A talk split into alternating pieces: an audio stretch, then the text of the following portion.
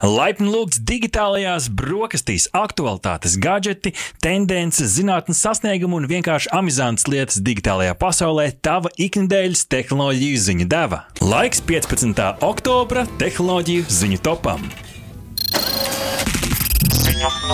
Viens. Pirmā ziņa šajā nedēļā, lai cīnītos ar diskrimināciju un nodrošinātu privātumtiesības, Eiropas parlamenta de deputātu vairākums ir iestājies par stingriem drošības mēriem, pielietojot mākslīgo intelektu kārtības nodrošināšanā. Automātiski cilvēku atpazīšana, kas ir viens veids, ir aizliedzama, izņemot likuma pārkāpumu izmeklēšanas gadījumus. Tā skaitā nepieļaujami ir arī cilvēku sociālā reitinga veidošana, kas nosaka cilvēku uzticamību balstoties uz tā uzvedību vai personības iezīmēm iezīmēm un tam līdzīgiem, tam līdzīgiem variantiem. Lai novērstu algoritmu kļūdas, cilvēkiem ir joprojām jābūt kā virsmu uzraugam. Cilvēkam ir jābūt tam, kurš pieņem to gala lēmumu. It īpaši, ja mēs runājam par robežu čēršošanas uzraudzību. Papildus cilvēku identificēšanas aizliegumam, Eiropas parlamenta deputāti arī liedz izmantot privātās sejas atpazīšanas datubāzes, jeb informācija par cilvēkiem, kas glabājās privāti, nevis, nevis publiskā valsts pārvaldes uh, serverī. Uh, un cilvēku preventīvu uzraudzīšanu balstoties uz to darbībām.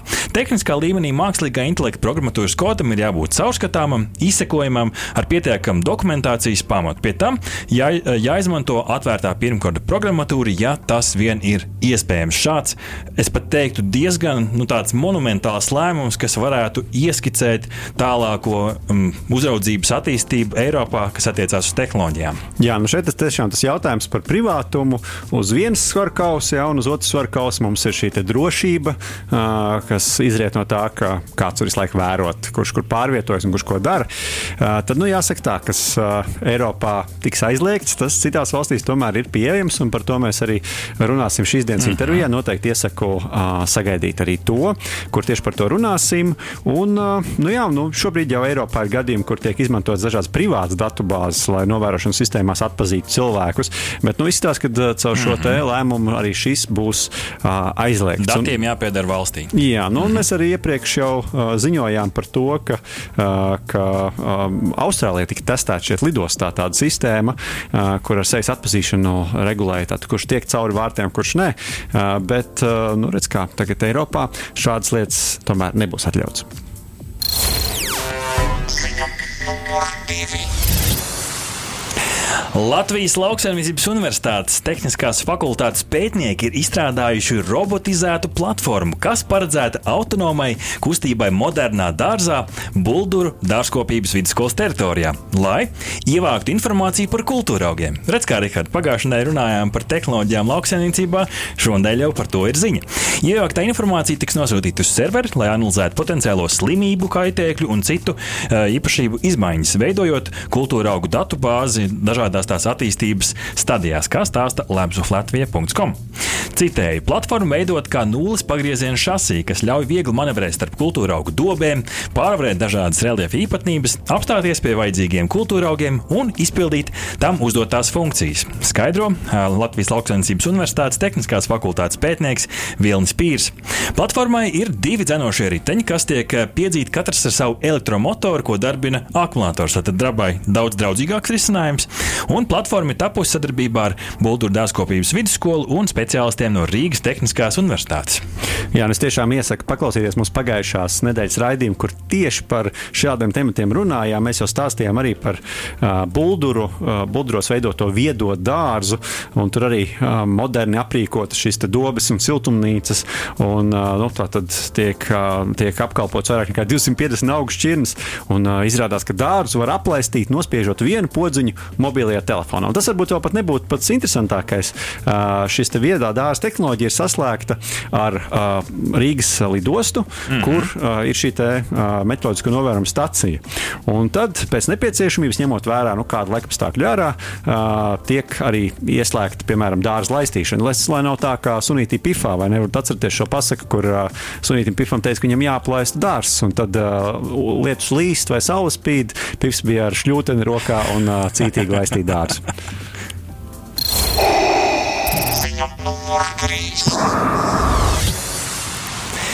Trešā ziņa digitālajās brokastīs no sociālo tīklu pasaules. Pirmkārt, Twitter drīzumā ļaus lietotājiem kādu maigi nobloķēt. Atšķirībā no cietās bloķēšanas, Twitter būs iespējams kādu sekotāju atvienot jeb remove this follower funkciju. Šādā veidā maigi bloķētais cilvēks joprojām redzēs otra cilvēka tvītus un varēs nosūtīt tiešās ziņas, taču bloķētā cilvēka tvīti neparādīsies uz bloķētāja ziņu lentes. Savukārt, skatāmies uz Instagram, reaģējot uz tiem pārmetumiem, par kuriem mēs stāstījām arī pagājušā nedēļā, ka jaunieši mēdz ieslīgt depresijā, skatoties Instagram, tad Instagram grasās ieviest funkciju, kas proaktīvi aicināšot jauniešus paņemt pauzi no Instagram. Savukārt, pēc vairākiem Facebook piedarošo platformu darbības zudumiem, Instagram arī pie paziņojumiem nākotnē teiks, ka ir kaut kādas problēmas ar šo platformu, kā stāsta TheVerge.com. Savukārt, tiešraidžu satura veidotājus varētu iepriecināt eh, Instagram uzlabojumus, kas ļaus tiem jau 90 dienas pirms tiešraides par to paziņot. Un otrkārt, varēs būt tāds kā testa režīms, kurā cilvēks varēs paskatīties, kā viņš izskatās, kā izklausās, kā gaisma, kā interneta savienojums, un to visu izdarīt pirms tiešraides, lai nesanāktu tādi brāķi, kur gribās visu sākt no jauna. Jā, nu tiešām atkal kārtēji uzlabojumi sociālo tīklu platformās. Runājot par Twitter, droši vien esat pamanījuši, ka uh, ik pa laikam kāds ietvīto, cik cilvēki viņam šodien ir piesakojuši un cik mm. ir uh, atsekojuši, kā mēdz teikt. Uh, tad, uh, cik tālu mēs esam aizgājuši? Jā, vai ne? Vai ne? Un tad uh, šādas, šādas tiešām uh, iespējas ir. Nu, tas ir kaut kā trešo pušu servis, kas to nodrošina. Līdz ar to nu, tas nozīmē, ka cilvēkiem patiesībā tas ir aktuāls jautājums, lai saprastu, kas tad notiek ar viņu sekotājiem. Tāpat par Instagram, nu, teiksim, tā bažas, ka jaunieši tagad viņu, nu, tā teikt, tā iespēja, ka šis te paziņojums, ka tagad lūdzu pārstāv lietot Instagram, nu, redzēsim, vai tas tiešām mm -hmm. strādās. Jo mums jau ir dažādi šie pamudinājumi, piemēram, pulkstenis mūs aicina iedzert glāzi ūdens mm vai piecelties un pakustēties. Nu, redzēs, vai tiešām šādas nopietnas problēmas, kas varbūt pat depresija, varēs atrisināt vienkārši šādu, šādu piedāvājumu, ko Instagram ir, ir, ir izziņojis. Un par tiešraidēm, nu, lieliski. Beidzot, beidzot jā, vai ne? Visur jau viņas bija pieejamas. YouTube, Facebook, TikTok, nu tad tagad arī būs Instagram. Varēsim visur sekot līdzi saviem, saviem uh, mīļākajiem ietekmeļiem, vai kā to pareizi sauc, uh, influenceriem. influenceriem. Ziņa numur 4. NASA. NASA plāno kosmosā sūtīt kosmosa kuģi, kura misija būs milzu ātrumā ietriekties asteroīdā. Iegūtās zināšanas ļaus ekspertiem saprast, vai šādu pieejamu ir vērts attīstīt tālāk kā potenciālu aizsargu mehānismu Zemi apdraudošo asteroīdu novirzīšanai, kā stāsta Delphi Campus. Falcon 9 raķetes mugurā DART kosmosa kuģis dosies pretī Didymos asteroīdu sistēmai, kas atrodas 11 miljonu kilometru attālumā no Zemes. Nu, vismaz tajā brīdī atradīsies. 22. gadā, kad notiks šī potenciālā sadursme ar asteroīdu, kosmosa kuģim vajadzētu ceļot ar ātrumu, Rihard, 24,000 km/h, jeb 6,6 km/sekundē. Cik, kāds būtu sots, ja mēs brauktu ar šādu ātrumu garām fotoradaram? Es domāju, fotoradars nemaz, nemaz nepamanītu. Un uh, policisti krūmos arī netika. Uh, NASA vēlas noskaidrot, vai šādā veidā var izmainīt asteroīdu ātrumu un virzienu pietiekami daudz, lai šo asteroīdu novirzītu no tā trajektorijas un uh, tādos gadījumos, kur šis asteroīds varētu tuvoties Zemē, novērst potenciālās briesmas. Nu, jāsaka, tā galvenais, lai neuzgrūž tādā trajektorijā, ka tas lido tieši uz zemes virsū. uh, bet jā, nu, NASA ir fiksējusi vairāk nekā 8000 asteroīdu, kur wow. diametrā ir lielāka par 140 metriem. Un, nu, potenciāli kādā brīdī var pietuvēties arī mūsu planētai. Uh, nu, 140 metru liels asteroīds tomēr ir gana milzīgs, lai varētu noslaucīt no Zemes virsmas pat veselu pilsētu un noteikti radīt ļoti, ļoti lielu ietekmi mm. uz uh, mūsu planētu.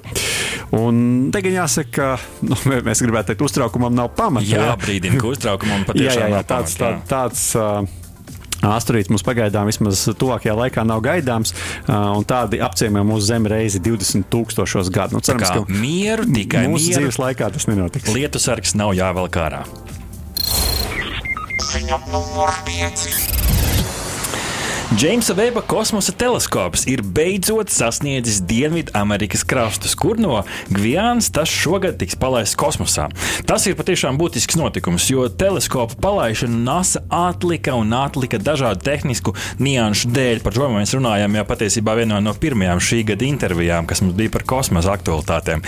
Veiksmīgas misijas rezultātā teleskops aizļaus 1,6 miljonu kilometru attālumā no Zemes, lai pētītu kosmosa dzīves. Pat objekts, kas ir izveidojušies neilgi pēc tā saucamā Big Bang, jeb lielā sprādziena.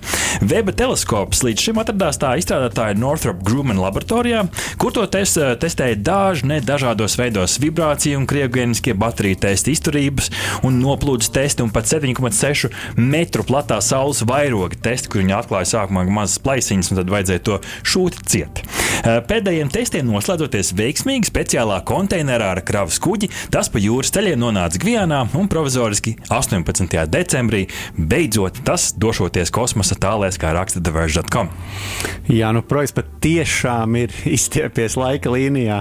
Tu ierosināji 96. gadā oh. un bija plāns pabeigt jau 2007. gadā. Iedomājieties, tas ir jau pirms, pirms 11 gadi. Jā, 11 gadi tieši tā, un toreiz bija aplēsts, ka, uh, lai to visu varētu izdarīt, uh, būs nepieciešams viens miljards ASV dolāru. Nu, šodien ir 2021. gads, vai ne? Mm. Prieks, ka vispār tas ir noticis. Man liekas, mēs gada sākumā ar, ar tevi sadarējām, vai tas notiks vai nenotiks. Es neatceros, kā mēs, kā mēs uh, sadarējām, bet, bet uh, to mēs noteikti gada beigās uh, sapratīsim.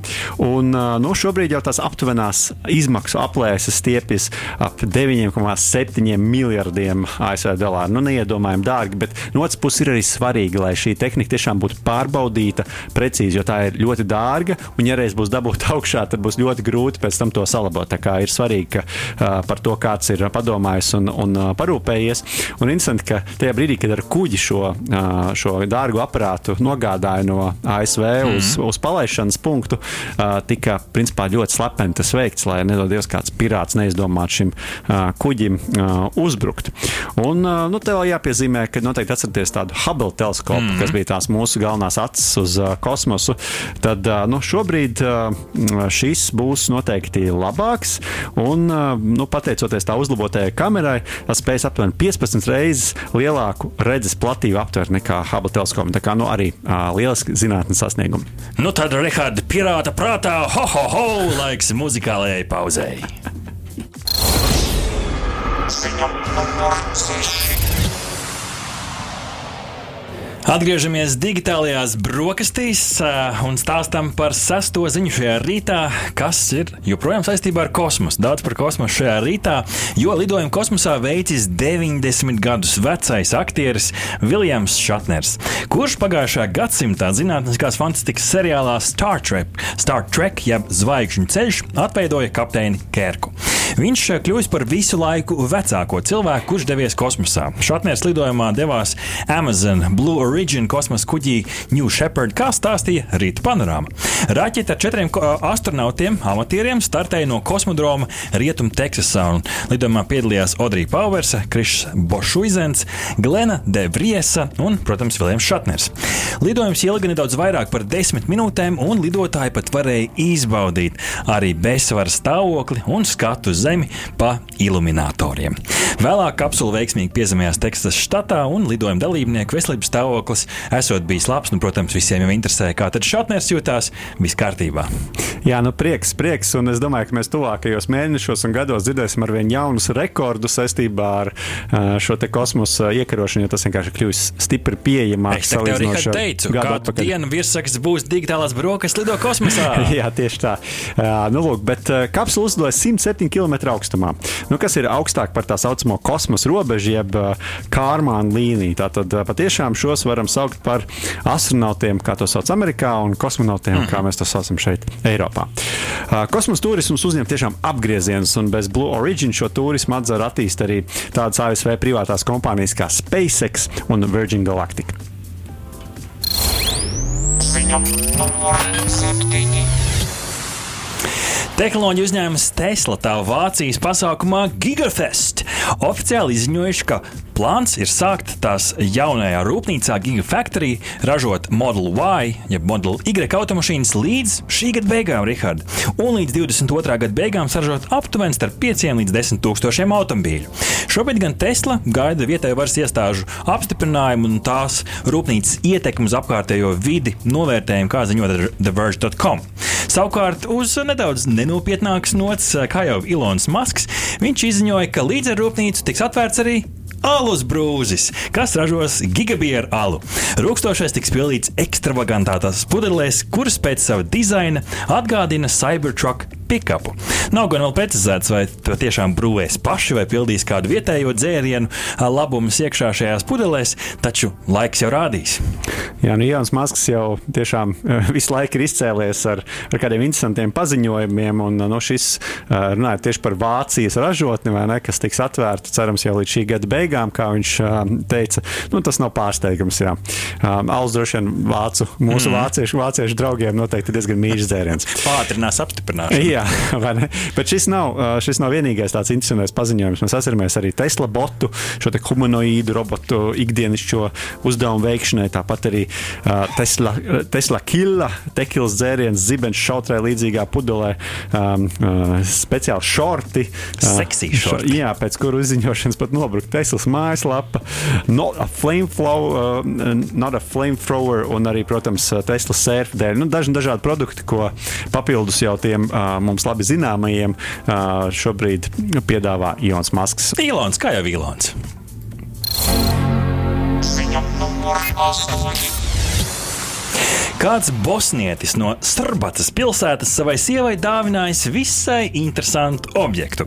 Pat 360 grādiem rotējošu māju. Jā, patiešām nepārklausījāties. 360 grādu rotējošu māju uz riņķi, uz riņķi vien. Vojins Kusits apmierinājis savu sievas iekāri redzēt biežāk dažādus skatus ārā pa logu, nemainot atrašanās vietu, kā raksta cnet.com. Citēju, māja var apmest pilnu 360 grādu apli 24 stundās tās lēnākajā režīmā, kamēr ātrākais režīms māja var apgriezt 22 sekundēs, skaidroja Kusits. Mājai ir betonēts pamats, kā arī motors un riteņi no veca militāra transporta līdzekļa. Tas rotē uz 7 metru plata pamata, un mājas uzcelšana arī prasīja 7 gadus. Rihards, vienīgais jautājums, kas manā galvā, ar ko šis vīrs nogrēkoja, ka viņam bija jāuzceļ rotējoša māja? Ne, nu, es saprotu, ka uh, Kusits kundze esat bijis diezgan simperlīga attiecībā uz to, nu, vai tad man rīta saule spīdēs iekšā pa logu vai vakara saule. Un viņš tik jauc vienu sienu pēc otras, vairs jau nebija ko nojaukt. nu, lūk, un tad nu, vīrs droši vien nospļāvās un pateica, uzbūvēšu rotējošu māju. Uh, un interesanti, ka ēka piesaista diezgan lielu apkārtējo interesi, un mēs arī par to ziņojam šobrīd. Uh, bet izrādās tā jau nav īpaši problēma. Ja kāds ir atbraucis skatīties, un tu nevēlies, lai viņš skatās pa tavu logu iekšā, nu pagriez vienkārši mājas priekšu. Bet man uzreiz liekas interesanti, vai tiešām uh, katra krūzīte ir jāpiestiprina pie galva. Jo, ja 22 sekundēs māja var apgriezties uz riņķa, es domāju, ka tā, uh, tas ātrums ir gan liels, lai kaut kas arī varētu no galda nokrist.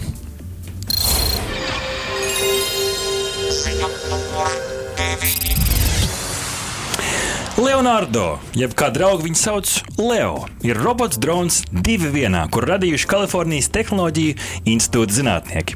Utopiskā paskata robots, kuru iedvesmu gūt no putniem, var paveikt tādus piņķerīgus uzdevumus, kā iet pa sleklainu, jeb šo garo nostiepto jostas striķi un braukt ar skrituļdēli.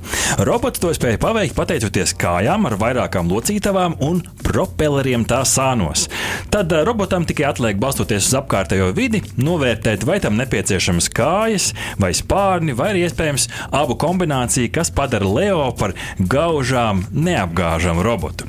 Eksperimentam vajadzētu ilgtermiņā kalpot tam, lai nākotnes roboti, kur pārvietojas šādās diezgan dažādās vidēs, lai viņi varētu mierīgi mm, šos šķēršļus savā priekšā pārvarēt. Jā, nu, tikai pieminēšu, ka Leonardo ir vārdu spēle no nosaukuma Lex on Board Drone. Jā, tur saliekot īstos, īstos burtus kopā, burtus kopā Leonardo. Sanāk. Noslēdzošajā ziņā šajā rītā tepat no Latvijas, jo godinot Jāņa Poraka 150. gada dienu, Letaunika LV jeb Tilde ir radījusi pirmo latviešu literatūrai veltīto virtuālo asistentu, jeb sarunu botu, jeb chatbotu. Kopā ar Cibiņu ik viens internetu lietotājs varēs ne tikai apgūt un pārbaudīt zināšanas par stāstu kauja pie knipskas, bet arī aprunāties un izteikt savu viedokli. Mācību līdzeklis Cibiņš palīdz iepazīt stāstu kauju pie knipskas, tajā attēloto vidi un laikmeta vēsturisko un sociālo kontekstu. Tas pats spēj atbildēt uz jautājumiem un neviļus virza šo sarunu stāsta virzienā, lai sīkāk izpētītu šo literāro, literāro darbu un rosinātu domāt plašāk par morāles un ētikas jautājumiem. Jā, nu interesanti, vai tajā brīdī, kad tiks uzdot kauju pie knipskas izlasīšanai, varēs vienkārši aiziet pie botu un paprasīt, nu, pastāstīt kopsavilkumu. Tas varētu būt viens tāds mazais knips, jā. Bet interesanti, tad, kad ārsts pamēģināja pajautāt, vai ne, cik viņam kādu joku viņš varētu pastāstīt, tad izrādās, ka, ka šis joks, kabatā jā, ko joks bija cibiņam pa kabatā, un viņš teica, skolotāji pēcītim, Pēter, kāda tavuprāt būtu ideāla skola? Un uh, pēcīts atbild, tā, kas slēgta skolotāja. Nu tā, esošajos apstākļos varbūt ne tas pats labākais joks, bet, uh, nu, katrā ziņā visiem ļoti nu, labi saprotams. Protams, protams, kas gan labāks kā slēgts. Slēdzam līdz ar to šo raidījumu daļu. Paldies, ka biji kopā ar mums līdz beigām. Atstāju šai epizodei labu vērtējumu. Ierakst kādu komentāru. Vai arī abonē mūsu kanālu, jo tas noteikti palīdzēs mūsu algoritmiem, lai vairāk cilvēku varētu baudīt digitālās brokastis.